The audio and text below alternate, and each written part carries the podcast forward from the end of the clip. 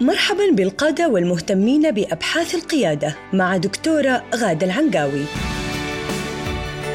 حيث تقدم لكم أبعاد القيادة المتعددة للمنظمات وفرق العمل. وتلتقي بكم كل أسبوع في لقاء شيق لطرح مفاهيم حديثة تثري رحلتكم القيادية. مستمعينا الكرام في كل مكان أهلا وسهلا بكم في الحلقة الأولى من بودكاست القيادة، هذا البرنامج مع الدكتورة غادة طلال العنقاوي المتخصصة من أكثر من 20 سنة في القيادة بجميع مستوياتها من خلال أبحاثها في الدكتوراه في عدة مجالات ومنها مجالي السلوك القيادي الفعال ومجال التربية والتعليم. الدكتورة غادة بدأت رحلتها التدريبية والتوجيهية في عام 2000 وهي أول امرأة سعودية تظهر بشكل قوي ومحترف في مجال التدريب القيادي والتطوير الذاتي في المملكة العربية السعودية دكتورة غادة كتبت مجموعة من المؤلفات ومنها كتابين باللغة العربية وهي كتاب وجه أفكارك ومشاعرك وكتاب أدوار القيادة الأخلاقية في التعليم العالي. حياك الله دكتورة غادة. أهلا وسهلا. شكرا على استضافتي وعلى تواجدك معي. أهلا وسهلا فيك. إحنا سعداء فيك دكتورة. وخليني أبدأ دكتورة يعني في البداية بالسؤال الأول لماذا هذا البرنامج؟ موضوع القيادة موضوع الساحة وهو تطلع وطموح كل شاب وشابة في هذه المرحلة التي نمر بها وأمتنا ودولتنا وبلادنا تحتاج إلى قيادات. فوجدت من المناسب أن أسهم بدوري وبصوتي وبالمعلومات وبالأبحاث وبالممارسات والتطبيقات التي تجمعت لدي من عشرين سنة. لأن أضع بصمتي في عالم القيادة ليستفيد كل شاب وشابة طموح إلى الأمام. جميل. طيب دكتورة البعض سيتساءل لماذا الدكتورة غادة أنا عرفتك بشكل مختصر في البداية ممكن أيضا بما أنها اليوم الحلقة الأولى تعرفين المستمعين والمستمعات بالمزيد عن الدكتورة غادة ان امكن. الله يسلمك. آه منذ عشرين عام آه كما ذكرت أنت عندما احترفت موضوع التدريب القيادي وكانت آه أول دوراتي في المملكة العربية السعودية وكنت مدربة معتمدة لدى فرانكلين كوفي للعادات السبعة وأدوار القيادة الفعالة. من تلك الأثناء بدأت أدرك أننا بحاجة إلى ليس فقط تمثيل لنظريات قيادية أجنبية وإنما تأصيل للنظريات القيادية من تراثنا العربي ومن تراثنا الإسلامي ومن بيئتنا وثقافتنا المحلية. فأمضيت العشرين العام الماضية بين البحث والتجربة جمعت الكثير من المعلومات والأبحاث وكتبت ومارست التدريب القيادي في ليس فقط في الخليج العربي وإنما أيضا في بريطانيا مكان ابتعاثي للدكتوراه وحاليا في أمريكا. مارست في كذا بيئة في المساجد في المنظمات الصحية في المنظمات الاجتماعية في حتى التليكوميونيكيشن مارست القيادة ومارست مفهومها وتدريبها واحترفت التوجيه القيادي. وأخذت فيه شهادات معتمدة مع منظمة الموجهي المنظمة العالمية للتوجيه. احترفت أيضا تقييم ذكاء تعدد المشاعر ذكاء المشاعر واحترفت تقييم ذكاء الثقافات لصناعة القائد العالمي. وأخيرا احترفت تقييم كممارس متقدم تقييم فرق العمل وأدائها. وكيفية محاذاة الفرق مع الرؤية والرسالة التنظيمية لخدمة القائد في النهاية. فعندي مجموعة من الأدوات والاحترافات والشهادات ولكن ليس هذا كل شيء. القيادة ممارسة في أرض الواقع فأنا أم لستة من الأبناء. وزوجة لرجل متميز في مهارات الاتصال وابنة لقائد معروف في المملكة العربية السعودية معالي الفريق طلال العنقاوي. وكان جدي الله يرحمه أيضا مدير شرطة جدة. ويعني أعتبر نفسي محظوظة أني نشأت في هذه البيئة القيادية وكنت أتطلع إلى هذه النماذج الجميلة. طبعا ما أنسى فضل والدتي التي تفانت في في تربيتنا وتشجيعنا إلى أن وصلنا إلى إلى ما تراه. حاليا أفتخر بأني كتبت هذه الكتب اللي أنت ذكرتها وفي كتب أخرى للنشر وأيضا لدي منصة في التوجيه القيادي في المستوى الأول من التوجيه القيادي وهي منصة وجه أفكارك. والمشوار لا زال مستمر يعني ما انتهى. ما شاء الله. انت قلتي دكتورة انت فخورة بهذه العائلة وهذا الناس اللي حولك وإحنا كذلك اليوم دكتورة فخورين فيك. الله يخليك شاركتك لهالكم الكبير من المعلومات في مجال القيادة تحديدا. نعم. نتطلع إنه يكون هذا البودكاست إسهام قوي في بناء القيادة على جميع مستوياتها من خلال تجاربي الخاصة وأيضا من خلال الأبحاث التي قمت بها. بإذن الله تعالى. طيب دكتورة خلينا نبدأ عن مفهوم القيادة. نعم. القيادة هي وضع أهداف بناء على غاية مشتركة وتحفيز الغير بشكل فردي وجماعي لتحقيق هذه الأهداف. هذا تعريف القيادة بكل بساطة خلاصة التعريف المتعددة هناك غاية مشتركة، هناك مجموعة من الأهداف، وهناك مجموعة من التابعين ابتداء من تابع إلى إلى أكثر، يعني ممكن يكون القائد فقط بين اثنين. هذا يعتبر فريق نفرين أو أكثر. وهناك عملية تشجيع وتحفيز ودفع لهذه المجموعة لتتحرك إلى الأمام لتحقيق هذه الأهداف للوصول إلى هذه الغاية. جميل. طيب خلينا ناخذ الكلمة اللي تفضلتي فيها كلمة الغاية. ونربطها أيضا بقضية الرؤية. هناك قائد نعم. هناك أتباع. نعم. هناك غاية ورؤية. خلينا نربط عناصر هذه الأربعة في بعض. نعم. الغاية تختلف عن الرؤية. الغاية هي النهاية التي نريد أن نصل إليها في حياتنا. ممكن تكون غاية شخص في الحياة وممكن تكون غاية مجموعة وممكن تكون غاية أمة. لكن الغاية لا يمكن إدراكها بشكل فوري وقوي. هي تتضح أثناء تحقيقك للرؤية. فأنت في الرؤية توجد الرؤية هي شيء أنت تخلقه وتضعه وتكتشفه وهي مجموعة صور تجمعها عن ما تريد تحقيقه حتى تصل إلى الغاية. جميل. خلينا نضرب مثال. كلنا نسعى إلى أن نكون أمة متميزة. هذه غاية. طيب لكن كيف نسعى إلى تحقيق هذه الغاية؟ نجي في كل وزارة في كل إدارة في كل جامعة نضع رؤية خاصة للتميز لهذا القطاع أو لهذا لهذا التنظيم. حتى جميعنا مع بعضنا نحقق هذه الغاية بأن نكون أمة متميزة. على مستوى الفرد أنا غايتي رضاء الله سبحانه وتعالى مثلا ها؟ أنا إنسانة مسلمة. فحتى أصل إلى هذه الغاية أضع رؤية. يا ترى أنا كيف أبغى أشبع هذه الغاية في الحياة؟ ها أريد أن أضع بصمتي في صناعة القادة. هذه رؤيتي الشخصية. فإذا أنا أسعى في تحقيق رؤيتي لإشباع غايتي النهائية. فهنا تجي الفرق بين الغاية وبين الرؤية. بسيط جدا ودقيق. جميل. طيب خلينا ناخذ القائد. بلا شك إنه كل قائد يحتاج لمجموعة كبيرة من المهارات حتى يكون فعلا قائد. فبداية إيش المهارات اللي يحتاجها القائد وكيف يستطيع إنه ينميها؟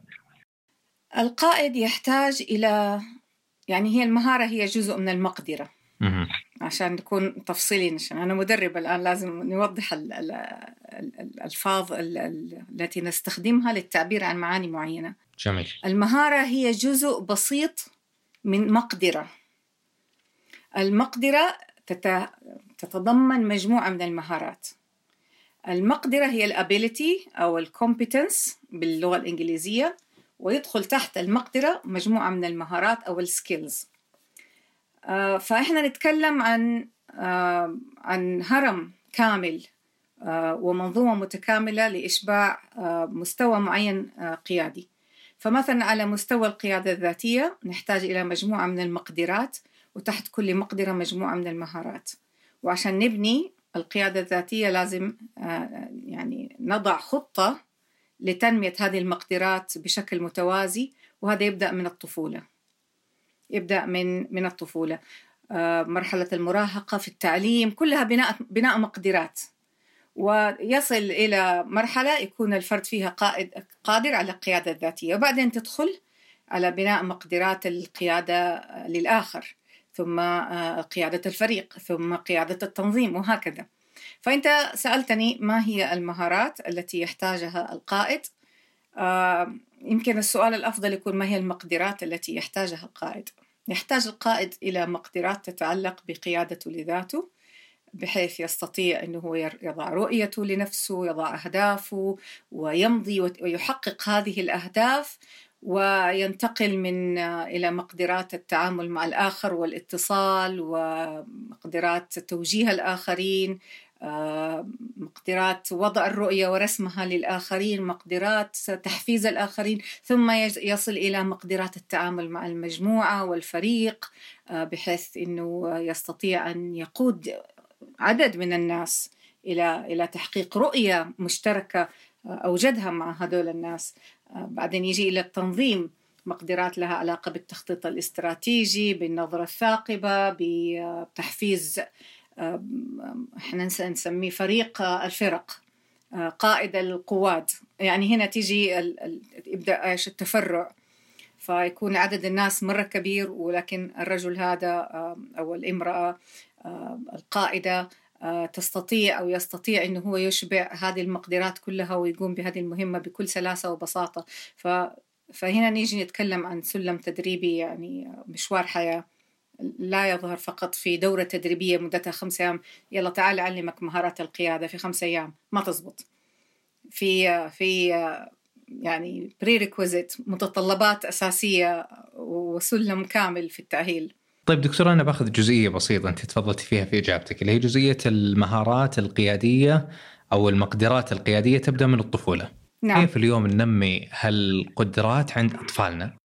يعني التعليم لابد أن يضع مناهجه ليست فقط آه، إن إحنا نستقبل معلومات حول العالم وكيف نصنع اختراعات أو كيف نبني آه، بيوت أو كيف آه، نحل مسائل رياضية أو نتعلم مثلا اللغة. هذه كلها علوم.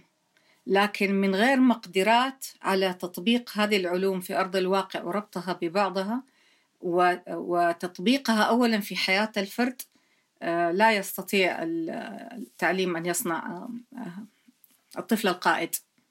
الطفل القائد يحتاج إلى الذكاء الاجتماعي أو ذكاء المشاعر. آه، يحتاج إلى مقدرات في التعامل مع الآخرين. اولا مقدرات في فهم نفسه ومن هو وما هو مستقبله. يبدأ من الابتدائي. دروس في ماذا تريد أن تكون وكيف تحلم وكيف تصنع آه، مستقبلك. تبدأ من هذه السن المبكرة. ومو بس بأسئلة وكلام لا في ممارسات معينة في الفصل الدراسي آه، آه، يشرف عليها المعلم. تساعد الطفل على التفكير بتبصر.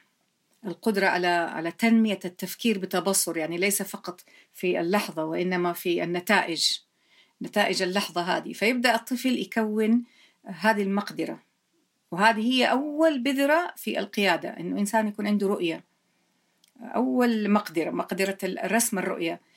تدخل بعد كده في مهارات التفاعل مع الآخرين والعمل في فريق فتجد في المدارس التي تهتم بتنمية هذا النوع من من المهارات والمقدرات آه، تعتمد بشكل كبير على تفاعل الأطفال مع بعضهم مع بعضهم الفصل الدراسي وحتى في تفاعلهم في قائد وفي فريق وفي قوانين وفي طرق للتفاعل وفي كأنك أنت في مجتمع مصغر. هذا الفصل الدراسي النموذجي إذا قدرنا نحن نصنعه في كل مادة تدريبية في كل مادة علمية آه، بكل أشكالها وأنواعها ضف على ذلك آه، ما يسمى بالتفكير في المستدام. يعني ما هو أثر ما نتعلمه في الفصل الدراسي على العالم؟ إذا قدر المدرس يربط الأفكار العلمية مع المهارات الاجتماعية على الحي على الأسرة على المدينة على الدولة على العالم.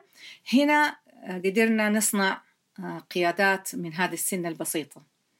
فتجد هذا الطفل يعني تبى تشوف المخرج يستطيع أن يقف ويلقي كلمة ويتحدث عن مشاكل العالم وكيف يمكن أن نحلها.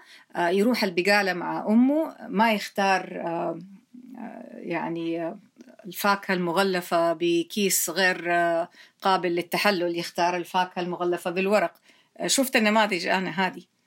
عشتها. تيجي طفل تسأله تقول له تبغى تشتري كذا؟ ولا يقول لك لا هذه مغلفة بمادة تضر البيئة وتنزل في البحر وتؤذي الحيوانات والأسماك. أنا أبغى أشتري أبغى أشتري هذه الفاكهة. إيه بس هذه مو لذيذة ما يهم بس ما, ما يتأذوا الحيوانات. ليه؟ لأنه عنده وعي بأثر سلوكه وحركته على العالم. وعي إحنا نسميه في في في القيادة القيادة الأخلاقية. هنيجي بعدين لمفهوم القيادة الأخلاقية يمكن في حلقة ثانية. جميل. طيب دكتورة من خلال إجابتك أستشف أنه الطفل يحتاج إلى ذكاء اجتماعي ويحتاج أن يقود ذاته كبداية. فبالتالي أستشف القيادة نعم. الذاتية هي الأساس لأي نعم. نوع من أنواع القيادة. طيب نعم. من هذا المنطلق كلمينا عن أنواع القيادة والخطوة اللي تلي خطوة قيادة الذات القيادة الذاتية أساس وهي تصنع في مرحلة الطفولة المتقدمة من لحظة الولادة إلى أن أن يصل الطفل إلى مرحلة المراهقة. المرحلة المراهقة تتحدد فيها معالم القيادة الذاتية. وإحنا نعبر عنها في في بالنضج. النضج هو أن يستطيع الشخص أن يتخذ قرارات متعلقة بذاته بصحته بعقله بعلاقته الاجتماعية وعلاقته الروحية. يعني حتى العلاقة الروحية تطلع في هذه السن وتظهر. ولذلك يؤمر بالصلاة لسبع, لسبع ويضرب عليها لعشر. فإذا وصل عشر سنوات وهذا سن التمييز بين الصح والخطأ يستطيع الطفل أن يتخذ قرار يساعده على الحصول على نتائج إيجابية أو سلبية. هذا الإدراك وهذا التمييز هو أساس القيادة الذاتية. المشاكل تحصل لما ما نتيح للطفل الفرص إنه يتخذ القرارات ويعاني من النتائج سواء إيجابي أو سلبي. ويكون دائما إحنا آه، بنعمل له هذه الحماية والوقاية علشان لا يغلط عشان لا يتعور علشان لا يصاب بأذى. وهذا آه، يصنع آه، إنسان غير قادر على أخذ خطوة للأمام. هذه هذه جزء. ننتقل بعد المراهقة. ماذا يحدث؟ المراهقة تتميز بأن هي سن آه، الاندبندنس أو الذاتية. ولا يستطيع فيها الشخص أن يفكر في الآخرين بشكل كبير إلا إذا مر تدريب وتأهيل كما ذكرنا في المدارس يسمح له بذلك. لكن في النهاية هو ذاتي. ينتقل إلى مرحلة الشراكة عندما يكمل احتياجاته الذاتية. وبعدين يدخل على مرحلة الشراكة. بالتدريب وبالممارسة في المجموعة في الجامعة في الكلية في الدورات التدريبية هنا ندخل عاد إيش؟ للتعليم الثانوي وما بعد الثانوي. إذا استطعنا في هذه المرحلة إن إحنا نكون مهارات العطاء والإيثار حنتكلم عن الإيثار بعدين لأنه الإيثار هو جزء من القيادة الأخلاقية. إذا استطعنا أن إحنا نبرز الإيثار وأثره الإيجابي على حياة الإنسان ودربناه في هذيك المرحلة صنعنا قائد للآخر. القائد القيادة للآخر اللي هي المرحلة التالية interpersonal. نجح ولقى نتائج إيجابية في الانتربيرسونال لأنه هي القيادة بالتجارب. لما أنت تأخذ نتائج إيجابية من تجربة تتعزز عندك هذه التجربة وتشعر أنك أنت ناجح فتمارسها مرة ثانية فإذا نجح يبدأ يطبق هذه المهارات على مجموعة من الناس وهنا اللحظة دي يبدأ يتوظف ويدخل سوق العمل ويصير عنده زملاء في المكتب. أو زملاء في المستشفى أو زملاء في المدرسة في في الجامعة محل ما بيدرس إذا كان محاضر أيا كان نوع نوع العمل أو في المصنع إذا كان شخص مهني. أو إذا كان تزوج يكون عنده زوجة وربما طفل ها؟ وهنا تبدأ إيش؟ مهارات القيادة للفريق الصغير ده اللي هو اللي نسميه الأسرة. آه وبعدين بعد كده إذا مارس المهارات حقت قيادة الفريق بنجاح يتعزز عنده هذه الممارسات وينتقل إلى قيادة يصير عنده طموح إنه يكون له دور في المجتمع. على نهاية العشرينات يبغى يبغى يكون يبغى يكون volunteer يتطوع. يبغى يساهم يبغى يكون جزء من الأسرة الممتدة. يبغى يتوسع يترقى يصير مدير فريق. مجرد جزء من فريق إلى مدير الفريق. كل فريق في أربعة خمسة أشخاص وهي الدرجة الثانية من being front line موظف في ال front line إلى موظف supervisor supervisor هو دور قيادي. طيب؟ وهكذا ألين يبني نفسه شوي شوية. وهذه كلها يعني الناس يتفاوتوا فيها. يتفاوتوا فيها بسبب تنشئتهم وطرق حياتهم. الحديث معك جميل دكتورة. بما أننا اليوم في الحلقة الأولى الوقت الآن تقريبا خلاص يعني أزف الحلقة ولكن في دقيقتين كلمينا شوية عن هدف هذه الحلقات من هذا البرنامج والمستفيد منها. أنا أهدف من هذا البرنامج إلى توجيه آه، الشباب اللي الطامحين في القيادة وتوجيه القيادات التي تطمح إلى تحسين مقدراتها ومهاراتها. فعندك هنا فئتين. فئة ناشئة تبغى تدخل مجال القيادة وتجد في نفسها الرغبة في أن تصنع فرق في العالم ولديها رؤية ورسالة وهي فئة آه، حديثة السن في العشرينات آه، في في بداية الثلاثينات والطموح والحركة والطاقة موجودة. وفي فئة تجاوزت هذه المرحلة هي فئة الناس اللي هم في المراكز القيادية نفسها. ولكن يبغوا يحدثوا مهاراتهم بحيث تتماشى مع نظريات القيادة الحديثة ويستطيعوا أن يتواصلوا مع الجيل هذا الصاعد اللي هو القيادات الجديدة. فهذا البودكاست موجه إلى هذه الفئتين وأرجو أن يكون إن شاء الله يثمر ويستفيد منه الجميع. بإذن الله تعالى إحنا سعداء إنه كذا وصلنا إلى نهاية الحلقة الأولى من البرنامج. إن شاء الله نلتقيك في الحلقة القادمة بإذن الله على خير. شكرا لك. نراك على خير. كل الشكر والتقدير لك دكتورة غادة. وأيضا ننوه في ختام الحلقة إلى أنكم مستمعين الكرام بإمكانكم أن تتواصلوا بشكل مباشر مع الدكتورة غادة لطرح الأسئلة والتعليق على هذه الحلقة من خلال موقع البودكاست الخاص وهو newcharismaticleader.com والموقع أيضا موجود في وصف هذه الحلقة. في الختام تقبلوا أطيب التحايا مني. أنا محدثكم عبد العزيز الحجي. نلتقيكم في الحلقة القادمة. على خير. إلى ذلك الحين. دمتم في رعاية الله وحفظه وإلى اللقاء. استمعتم للدكتورة غادة العنقاوي تتحدث عن قيادة المنظمات وفرق العمل في بودكاست القيادة. إلى أن نلقاكم مجدداً.